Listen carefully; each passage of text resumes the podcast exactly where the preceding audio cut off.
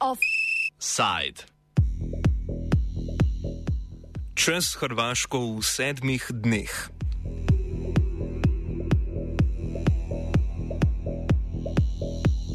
V Zagrebu in na reki so v zadnjem tednu postavili več šotorov in kontejnerjev, v katerih lahko migranti, ki se v večjem številu zadržujejo v mestih, dobijo hrano in osnovno zdravstveno nego ter napolnijo telefon.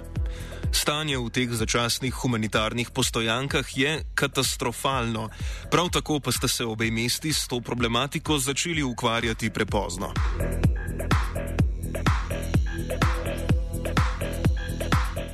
Večje število migrantov v zadnjem času je posledica tega, da je Hrvaška po razkritih in pravnomočnih obsodbah policijskega izvajanja pushbackov nekoliko spremenila način obravnave ljudi, ki v državo vstopijo na južnih mejah.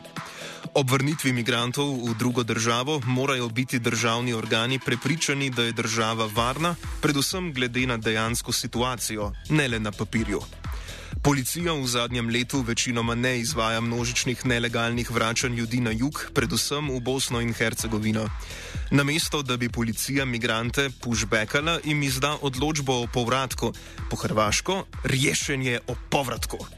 Odločbe policija vroči na podlagi 184. člena zakona o tujcih. Dokument migrantom omogoča gibanje po Republiki Hrvaški za sedem dni, po teh sedmih dneh pa morajo migranti zapustiti državo in evropski gospodarski prostor.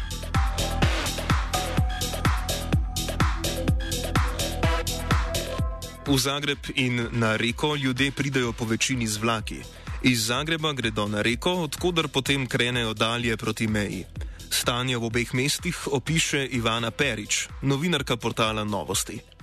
Gledajte, i u Zagrebu i u Rijeci je dosta ljudi i zaista mi možemo reći da evo od proljeća na ovamo, evo ja mogu govoriti za Zagreb naj, najviše, najkonkretnije, da nije bila takva situacija, nikad nisu ovoliki brojevi ljudi bili prisutni dakle u kontinuitetu na, na teritoriju grada Zagreba i pogotovo u centru, dakle u ovom prostoru oko glavnog željezničkog kolodvora. E, mi moramo reći da tek sada, dakle ovo se događa od proljeća, tek sada su ono zapravo gradske vlasti e, pokušale uvesti nekakav tip ono privremene humanitarne e, pomoći, dakle postavili su taj nekakav šator, međutim i u Zagrebu i u Rijeci taj tip pomoći kao prvo dolazi prekasno, a kao drugo nije adekvatan.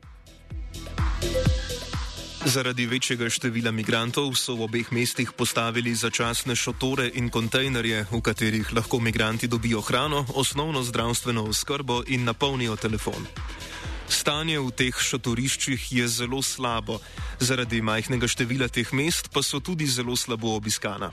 vrlo su mali kapaciteti ljudi koji mogu koristiti e, tu pomoć i plus, mislim u Zagrebu je taj šator primjerice smješten pokraj jedne od ono najopasnijih zgrada u, u zemlji koja ono preti urušavanje svakog trena, to je zgrada Paromlina, dakle bivše, bivše tvornice e, i e, tim prostorom zapravo se ne nudi nikakav ni tip smještaja sigurnog, a zimski su uvjeti, hladno je u Zagrebu i nekakav ono um, ikakav tip i, i, i savjetovanja i nekakve uh, održivije pomoći ljudima koji ovdje zaista se nalaze u nekakvom limbu u kojem e, čak ni ove e, lijeve, zeleno-lijeve koalicije koje su na vlasti u, tim gradovima ne poduzimaju ni približno dovoljno da osiguraju neki tip dostojanstvenog prihvata tih ljudi. U obeh mestih je mestna uprava levo-liberalna. V Zagrebu je na oblasti zeleno-leva Možemo, na Riki pa je na oblasti socialdemokratska partija, krajše SDP. Kljub temu, da se obe stranki zauzemata za liberalnejšo politiko, se ne ena ne druga s problemom migracij na ravni mesta ni nikoli ukvarjala. V tem tudi tiči razlog za slab odziv na novo situacijo. Ali mislim da je važan razlog zašto mogu samo nagađati. To nam govori o tome da se ove administracije, uprave, mislim vlasti u tim gradovima zapravo i nikad ranije nisu pozicionirale oko pitanja migranata i izbjeglica i nekako su izbjegavale, mislim čak i prije ove situacije gdje je sad odjednom i više ljudi ovdje zadnjih pola godina, ali generalno ovo je nešto čemu mi svjedočimo godinama i problemi pushbackova i tako dalje. E, Hrvatska je u tom smislu ona nekakvo žarište i indikativno je da te, te koalicije nisu, nemaju nikakvu svoju poziciju javnu o tom pitanju i ovdje čak i kad je postalo to na teritoriju grada vrlo jedan očit svakodnevan problem uh, im je trebalo jako dugo zato što naprosto mislim da je to tema iz različitih razloga, možda zbog nekakvih političkih kalkulacija ili čega, uh, oni se njome izbjegavaju baviti i ovo sad što je došlo je nekakav tip flastera koji, mislim, neće ništa dugoročno riješiti i činjenica je da će se te, mislim, u nekom trenutku zaista morat malo konkretnije pozabaviti time i morat i trebaju. Zaista ovo je, mislim, sramotno da, da, da e, koalicije koje se predstavljaju kao ljeve, da nemaju nikakvu ni jasnu poziciju prema van ovom pitanju, a kamoli nekakav tip konkretnih politika koje bi koristile, koje bi išle na, na dobro tim ljudima koji su ovdje došli, kojima je zaista potrebna ono pomoć svakakvog tipa. Hrvaška z odločbami o povratku skuša pospešiti prehod migrantov prek države proti končnemu cilju migrantov na zahod Evrope. V državo je tako v zadnjih mesecih vstopilo okoli 36 tisoč migrantov, kar je po podatkih hrvaškega notranjega ministrstva 145 odstotno povečanje v primerjavi z enakim obdobjem lani. O tem, kaj točno odločbe migrantom nalagajo in o stanju migrantov, ki prehajajo Hrvaško, smo se pogovarjali z Mileno Zajovič, članico nevladne organizacije za pomoč beguncem Are You Serious? Ono što vidimo je da je hrvatska policija početkom ove godine počela izdavati sve više tih rješenja o povratu, odnosno rješenja o napuštanju europskog ekonomskog prostora. To je de facto naredba svakoj osobi koja dobije tu vrstu papira da napusti ne samo Hrvatsku, nego čitav teritorij Europe unutar sedam dana. Migrantima ponekad čak bude, ako se smijem tako izraziti, malo i drago da dobiju takav papir, zato što ne razumiju njihovo, zapravo njegovo puno značenje. Ono što je njima u tome dobro je što zapravo imaju mogućnost sedam dana biti legalno u zemlji, u Hrvatskoj, dok im ne istekne ta naredba o napuštanju prostora. Što znači da imaju sedam dana da se oporave od puta, da eventualno isplaniraju svoj daljnji put ili da zatraže azil u Hrvatskoj.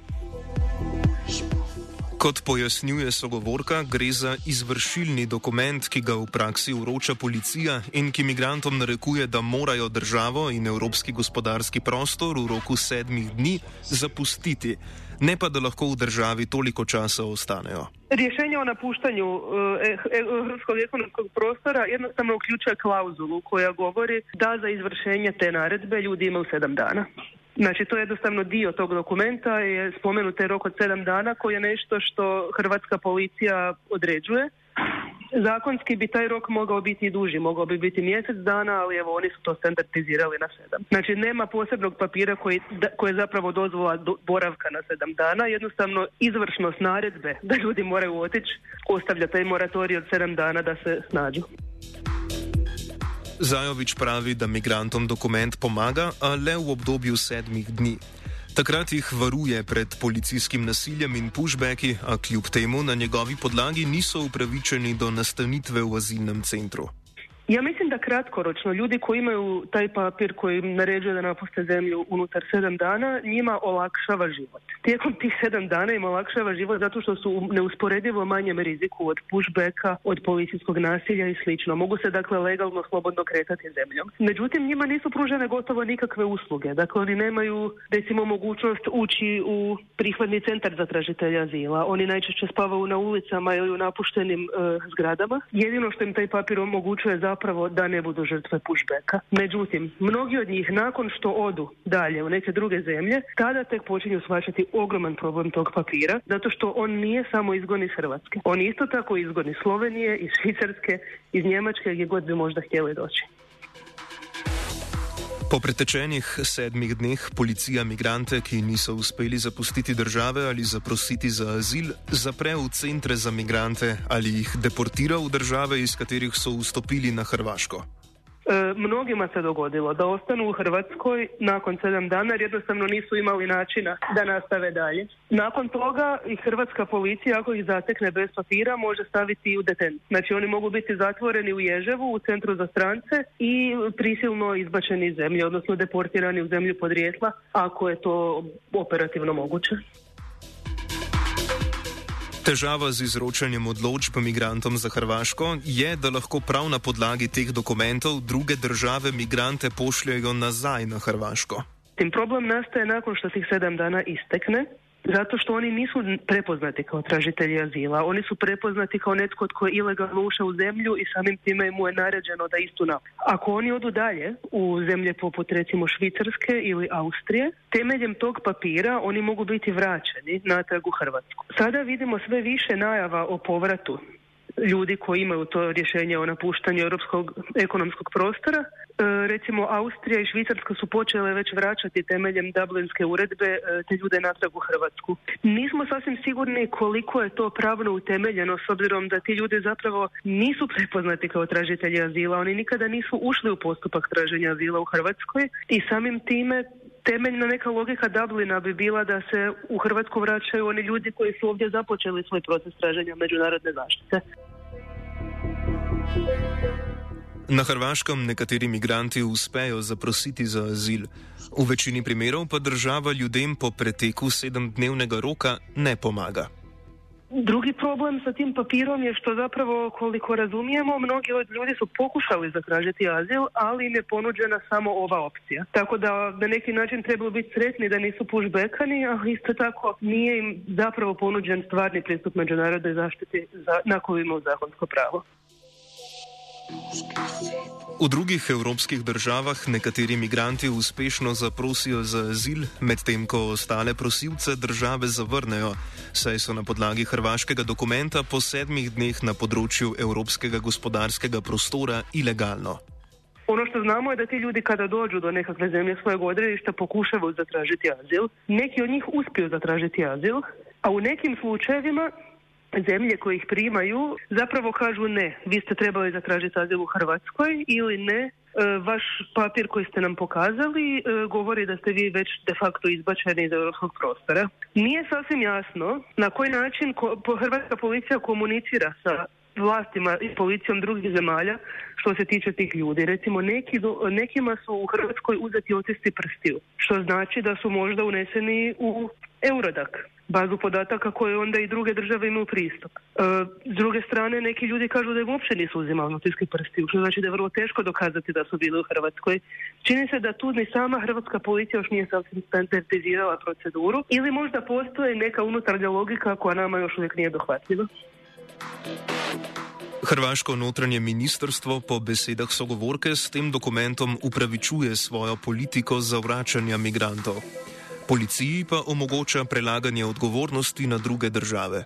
Jednostavno oni su shvatili da moraju naći nekakav način da formaliziraju ili da na neki drugi način pristupe problemu, kako ga oni vide problemu migranata, a kako bi mogli adresirati te kritike od međunarodne zajednice reći pa evo nije baš tako, stvari su se promijenile. I onda su uvele te papire koje zapravo i dalje na neki način miču ljude iz zemlje, samo što im ovaj put dozvoljavaju da odu dalje umjesto da ih vraćamo. Ali i dalje na neki način imam dom da hrvatska policija time pokušava prebaciti odgovornost e, za te ljude i za njihove potrebe na neke druge zemlje gdje onda oni zaista i odlaze.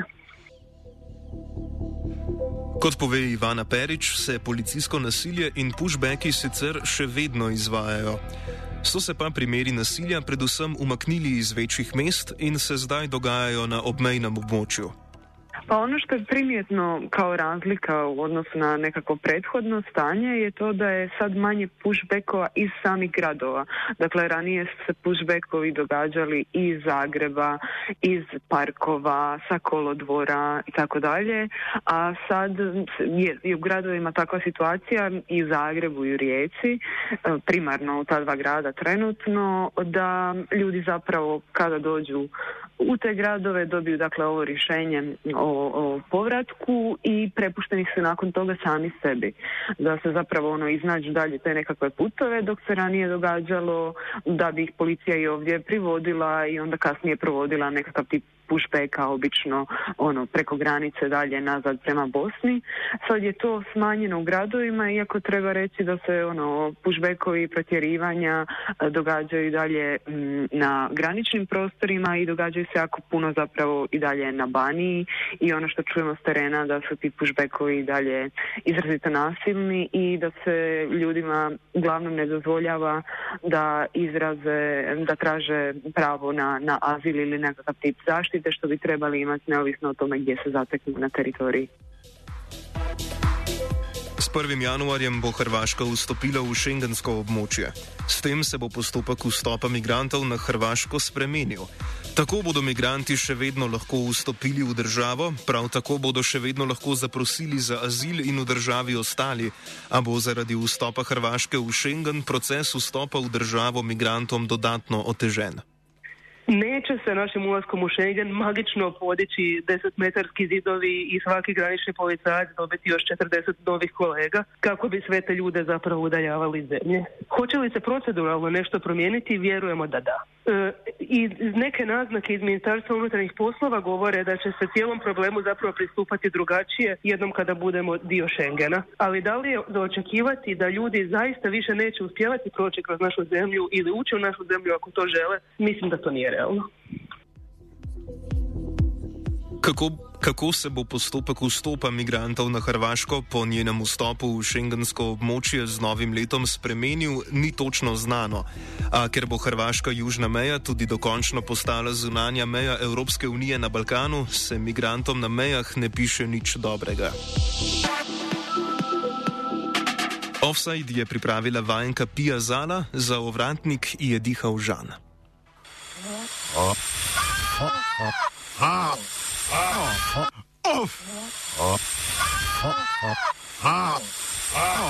Offside.